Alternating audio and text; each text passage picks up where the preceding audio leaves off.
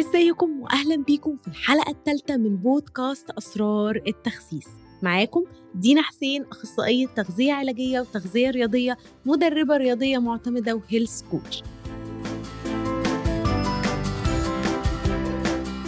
الحلقة بتاعتنا النهارده عنوانها هو التقبل. إيه يا دينا تقبل إيه وهتقبل إيه في رحلة نزول وزني. خلونا الأول قبل ما نتكلم في الحلقة ديت وعن التقبل نفتكر مع بعض إحنا ختمنا الحلقة اللي فاتت بإيه. ختمناها بلحظة الإحباط واليأس اللي أنا وصلت لها. بعد فشل مرة واتنين وتلاتة وأربعة في محاولاتي لنزول وزني. وعيطت وقلت أنا خلاص دي طبيعة جسمي وأنا رب ربنا خلقني كده أنا هعيش وأموت تخينة. أنا لازم أتقبل ده. الحقيقة إن أنا كنت فاهمة التقبل بطريقة غلط. كنت فاكرة إن أنا لازم أتقبل شكلي الحالي ده رغم إن أنا مش حباه ولا حابة نفسي وكان التقبل هو في الحقيقة استسلام.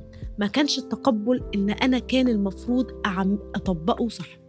وهيجي هنا السؤال طب أنت يعني يا دينا عايزانا نتقبل إيه؟ نتقبل إن إحنا أوزاننا عالية؟ طب ما إحنا كده عمرنا ما هننزل وزننا. طب ما هو ده طب انت ليه على طول بتقولي لنا نزلوا أوزانكم وغيروا من حياتكم وانت في نفس الوقت بتتكلمي عن التقبل؟ التقبل بالمعنى اللي أنا عايزة أوصله لكم مش هو التقبل اللي معناه إن أنت تستسلم لوزنك. التقبل هو التقبل لطبيعة جسمك. أي اتنين صحاب شوفوا أي شلة صحاب في الدنيا. أكيد أنتوا تعرفوا الناس دي. هتلاقوا شخص اتنين بيخرجوا مع بعض وبياكلوا نفس الأكل. هتلاقوا شخص وزنه عالي وشخص وزنه مش عالي. شخص طبيعة جسمه حرقه عالي وشخص طبيعة جسمه حرقه مش عالي. تلاقوا واحد بيزيد بسرعة حتى يقعد يقول لك أنا بزيد من الهوا. واحد تاني ما شاء الله بياكل كل حاجة وما بيزيدش. ودي طبيعة أجسام وجينات ربنا خلقنا بيها. حتة إن إحنا نتقبل إن إن وزننا ده أو السمنة مرض أيوة زي ما سمعتوني السمنة مرض.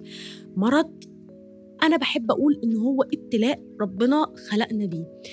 دي في حد ذاتها هتديك نوع من أنواع الراحة النفسية الكبيرة. فكروا كده خدوا نفس عميق وفكروا. أنا مش مسؤول مسؤولية كاملة عن الموضوع اللي أنا فيه. فإحساس تأنيب الضمير إحساس العار إحساس إن أنا المسؤول عن اللي أنا فيه إحساس الشيم اللي بيجي لكل شخص وزنه عالي.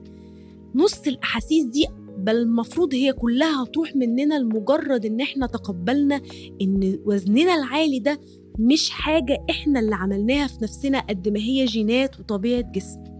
وخليني أقولها لكم بطريقة تانية. تخيلوا كده حد كان تعبان وراح كشف عند دكتور والدكتور ده قال له أنت عمل له شوية تحاليل واكتشف إن هو مريض سكر. وقال له أنت مريض سكر ومحتاج تاخد أدوية معينة ومحتاج تعمل lifestyle معين عشان خاطر نحافظ على مستوى السكر منتظم. الشخص ده لو خرج من عند الدكتور في وجهة نظركم هل الشخص ده هيقعد يلوم نفسه ليل ونهار إن هو اللي جاب السكر لنفسه؟ هل الشخص ده هيبقى مكسوف من الناس والمجتمع إن هو عنده سكر؟ هل الشخص ده هيفضل يجلد ذاته كل يوم على مرضه؟ الحقيقة لأ ودي بتتقاس على كل الأمراض. ليه بنيجي عند السمنة؟ ما بنعملش كده. وليه لما بنتكلم عن السمنة وزيادة الوزن المجتمع ما بيبصلهاش زي ما بيبص لأي مرض تاني؟ خلونا نبتدي بنفسنا ونبتدي إن إحنا نتقبل المرض ده. أيوة يا رب أنا متقبلاه. والحمد لله في ناس كتير عندها أمراض أصعب من السمنة 100 مرة. المرض بتاعنا ممكن نعمل له control بال lifestyle الصحي. فدي في حد ذاتها هتشيل من عليك زي ما قلنا تأنيب الضمير العالي. طيب أنا تقبلت وتقبلت إن ده مرض.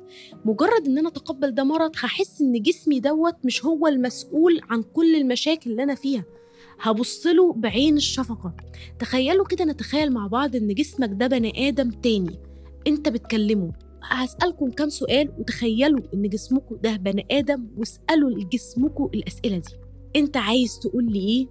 أنت زعلان مني في إيه؟ أنت عايز تشكرني على إيه؟ فكروا كده فيها وتخيلوا جسمكم بني آدم بتكلموا الحقيقة أنا لما جربت الأسئلة دي مع ناس كتير جدا وجربتها مع نفسي في بداية رحلتي كانت الإجابات صدمة.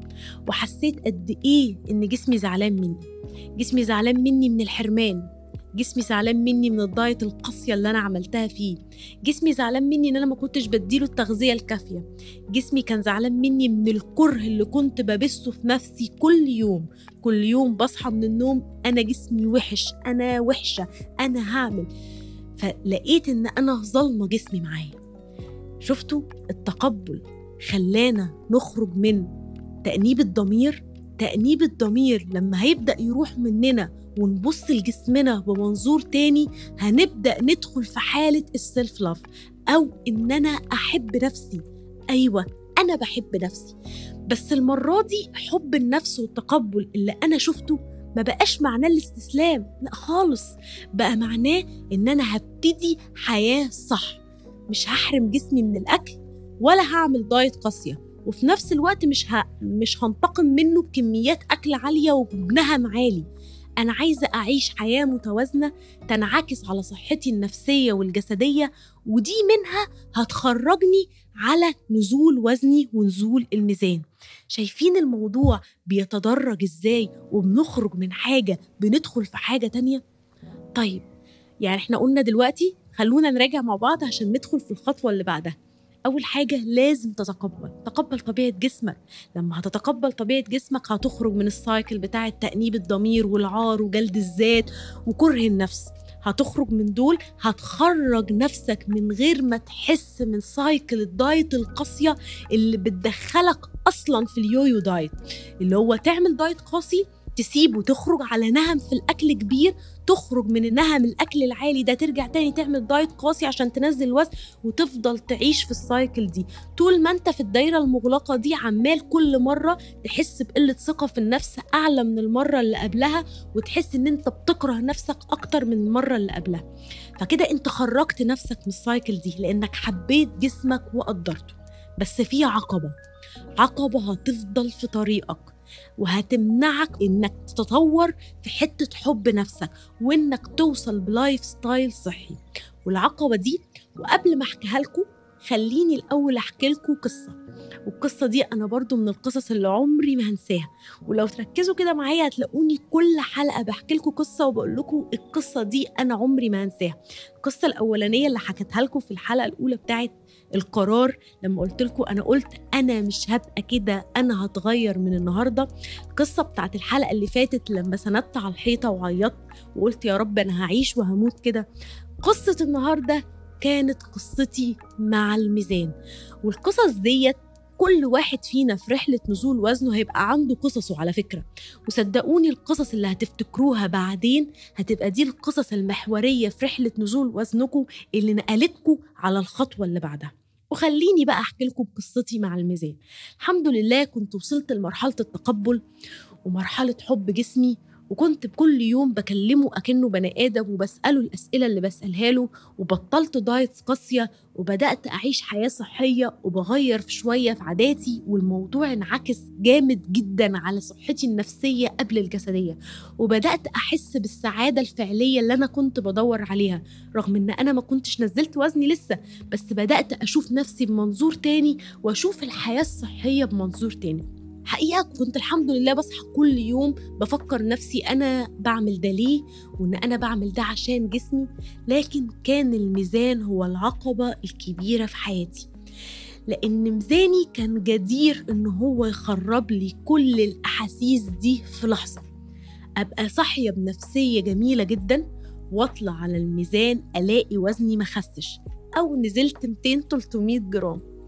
الاقي يومي ونفسيتي اتغيروا بالعكس واتدمرت وممكن الاقي يومي خلاص بقيت stress جدا ومتضايقة. في يوم من الأيام دي قعدت أفكر مع نفسي شوية وأنا حقيقي اتعودت إن أنا أتكلم مع نفسي كتير في الرحلة دي. قلت إزاي يا دينا انت قد إيه بتناقضي نفسك؟ إزاي بتحبي نفسك؟ وإزاي بتتقبلي جسمك؟ وإزاي بطلتي تعاملي جسمك المعاملة دي؟ ولسه بتعاملي جسمك على إنه رقم. تخيلوا إحنا مقللين من نفسنا قوي إيه يا جماعة؟ تخيلوا إحنا بنعامل حياتنا ونفسيتنا ومشاعرنا على أساس رقم. ياه قد إيه إحنا حاسين إن إحنا قليلين؟ يعني أنا لو صحيت النهاردة 60 كيلو هتبقى نفسيتي مرتاحة ويومي كويس لكن لو صحيت بكرة 62 كيلو يومي هيبقى وحش؟ إزاي اختزلنا حياتنا ومشاعرنا كبشر في رقم؟ إزاي إزاي عايزين نحب نفسنا ونتقبلها وإحنا مصغرين قيمتنا كبني آدمين في رقم؟ إحنا بشر إحنا مش جماد. الجماد لما بنطلعه على الميزان كل يوم هيبقى 60 كيلو. لكن أنت بشر. عادي ممكن يوم 60 يوم 61 يوم 62 فقعدت أفكر كده وقلت ياه قد إيه أنا بناقض نفسي؟ قد إيه الميزان ده عقبه كبيرة في رحلتي؟ أنا لازم أتخلص من إدمان الميزان ده. مش هكدب عليكم حاولت كتير جدا. وكل مرة كنت بطلع عليه. أشيله فوق الدولاب أنزله وأطلع عليه.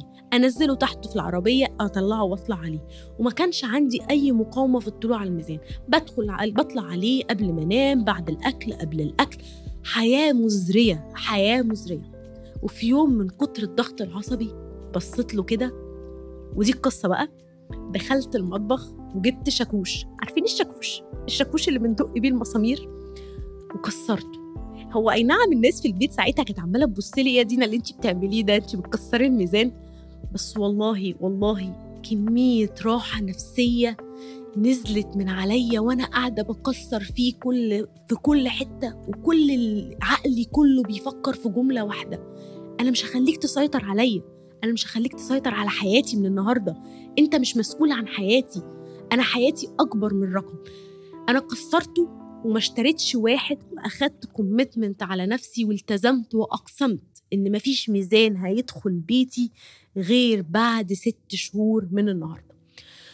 ودي كانت المرحلة الفارقة في رحلتي. إن أنا بدأت أعمل ورقة ودي بقى اللي أنا عايزاكم تعملوها وعايزاكم تشاركوني بيها على الإنستجرام تعملوا لي منشن الورقة دي كنت بسميها انتصارات ليس لها علاقة بالميزان. حقيقي دي من أجمل الورقات اللي أنا عملتها في حياتي. أنا محتفظة بالورق ده لحد دلوقتي. أنتوا متخيلين؟ أنا عايزة أقول لكم إن أنا بسجل الحلقة دي وأنا يعني شوية بدمع لأني افتكرت مشاعر كتير جدا. أنا محافظة على الورق ده. الورق ده عدلي ثقتي بنفسي خلاني أشوف دينا بمنظور تاني. كل يوم كنت بسجل في الورقة دي حاجة فرحتني النهارده في حياتي الصحية ملهاش علاقة بالميزان. أنا النهارده لبست بنطلون كان ضيق عليا وبقى حلو. أنا النهارده شلت بنتي من غير ما رجلي تورم. أنا كان عندي صعوبة جدا إن أنا أشيل بنتي. وأنا عندي 23 سنة. أنا النهارده نزلت مشيت نص ساعة على الكورنيش وسمعت الموسيقى اللي أنا بحبها. أنا النهارده لأول يوم قدرت أجري. وكنت كل يوم بسجل انتصاراتي في حياتي الصحية اللي ملهاش علاقة بالميزان. أوعدوا نفسكم ووعدوني من النهارده إن أنتوا هتتحرروا من الميزان وهترموه وهتبدأوا انتصاراتكم اللي ملهاش علاقة بالميزان. وتعالوا خلونا بقى نربط الكلام ببعضه. القرار في أول حلقة خلاني عرفت بعديها إن القرار مش هو الحاجة الوحيدة اللي في رحلتي. وقد إيه أنا واجهت عقبات. وبعدين دخلنا في مرحلة التقبل. شفتوا يا جماعة قد إيه كلمة التقبل رغم إنها كلمة سهلة وبسيطة وإن أنا أحب جسمي رغم إن أنا وزني عالي خرجتنا على حياة تانية خالص. يعني الشغل على النفس البشرية والتحول الحقيقي من جواك أهم بكتير من التحول اللي براك لأن التحول اللي جواك هو اللي هيوصلك للتحول اللي أنت عايزه براك. وعايزة أقول لكم حاجة أختم بيها حلقة النهاردة حبوا نفسكم يا جماعة حبوها حب غير مشروط. حبوا نفسكم وانتوا 60 كيلو وانتوا 70 كيلو وانتوا 80 وانتوا 90 لأنكم تستاهلوا الحب. ما تستنوش الحب في عيون الناس. حبوا نفسكم الأول. لما هتحبوها هتحترموها وهتقدروها ومش هتعذبوها وهتدخلوا في حياة صحية تخرجوا منها أشخاص أحسن 100 مرة من الأشخاص القديمة اللي أنتوا كنتوا عارفينها. حبوا نفسكم يا جماعة لأنكم تستاهلوا تتحبوا. وأنا كمان بحبكم.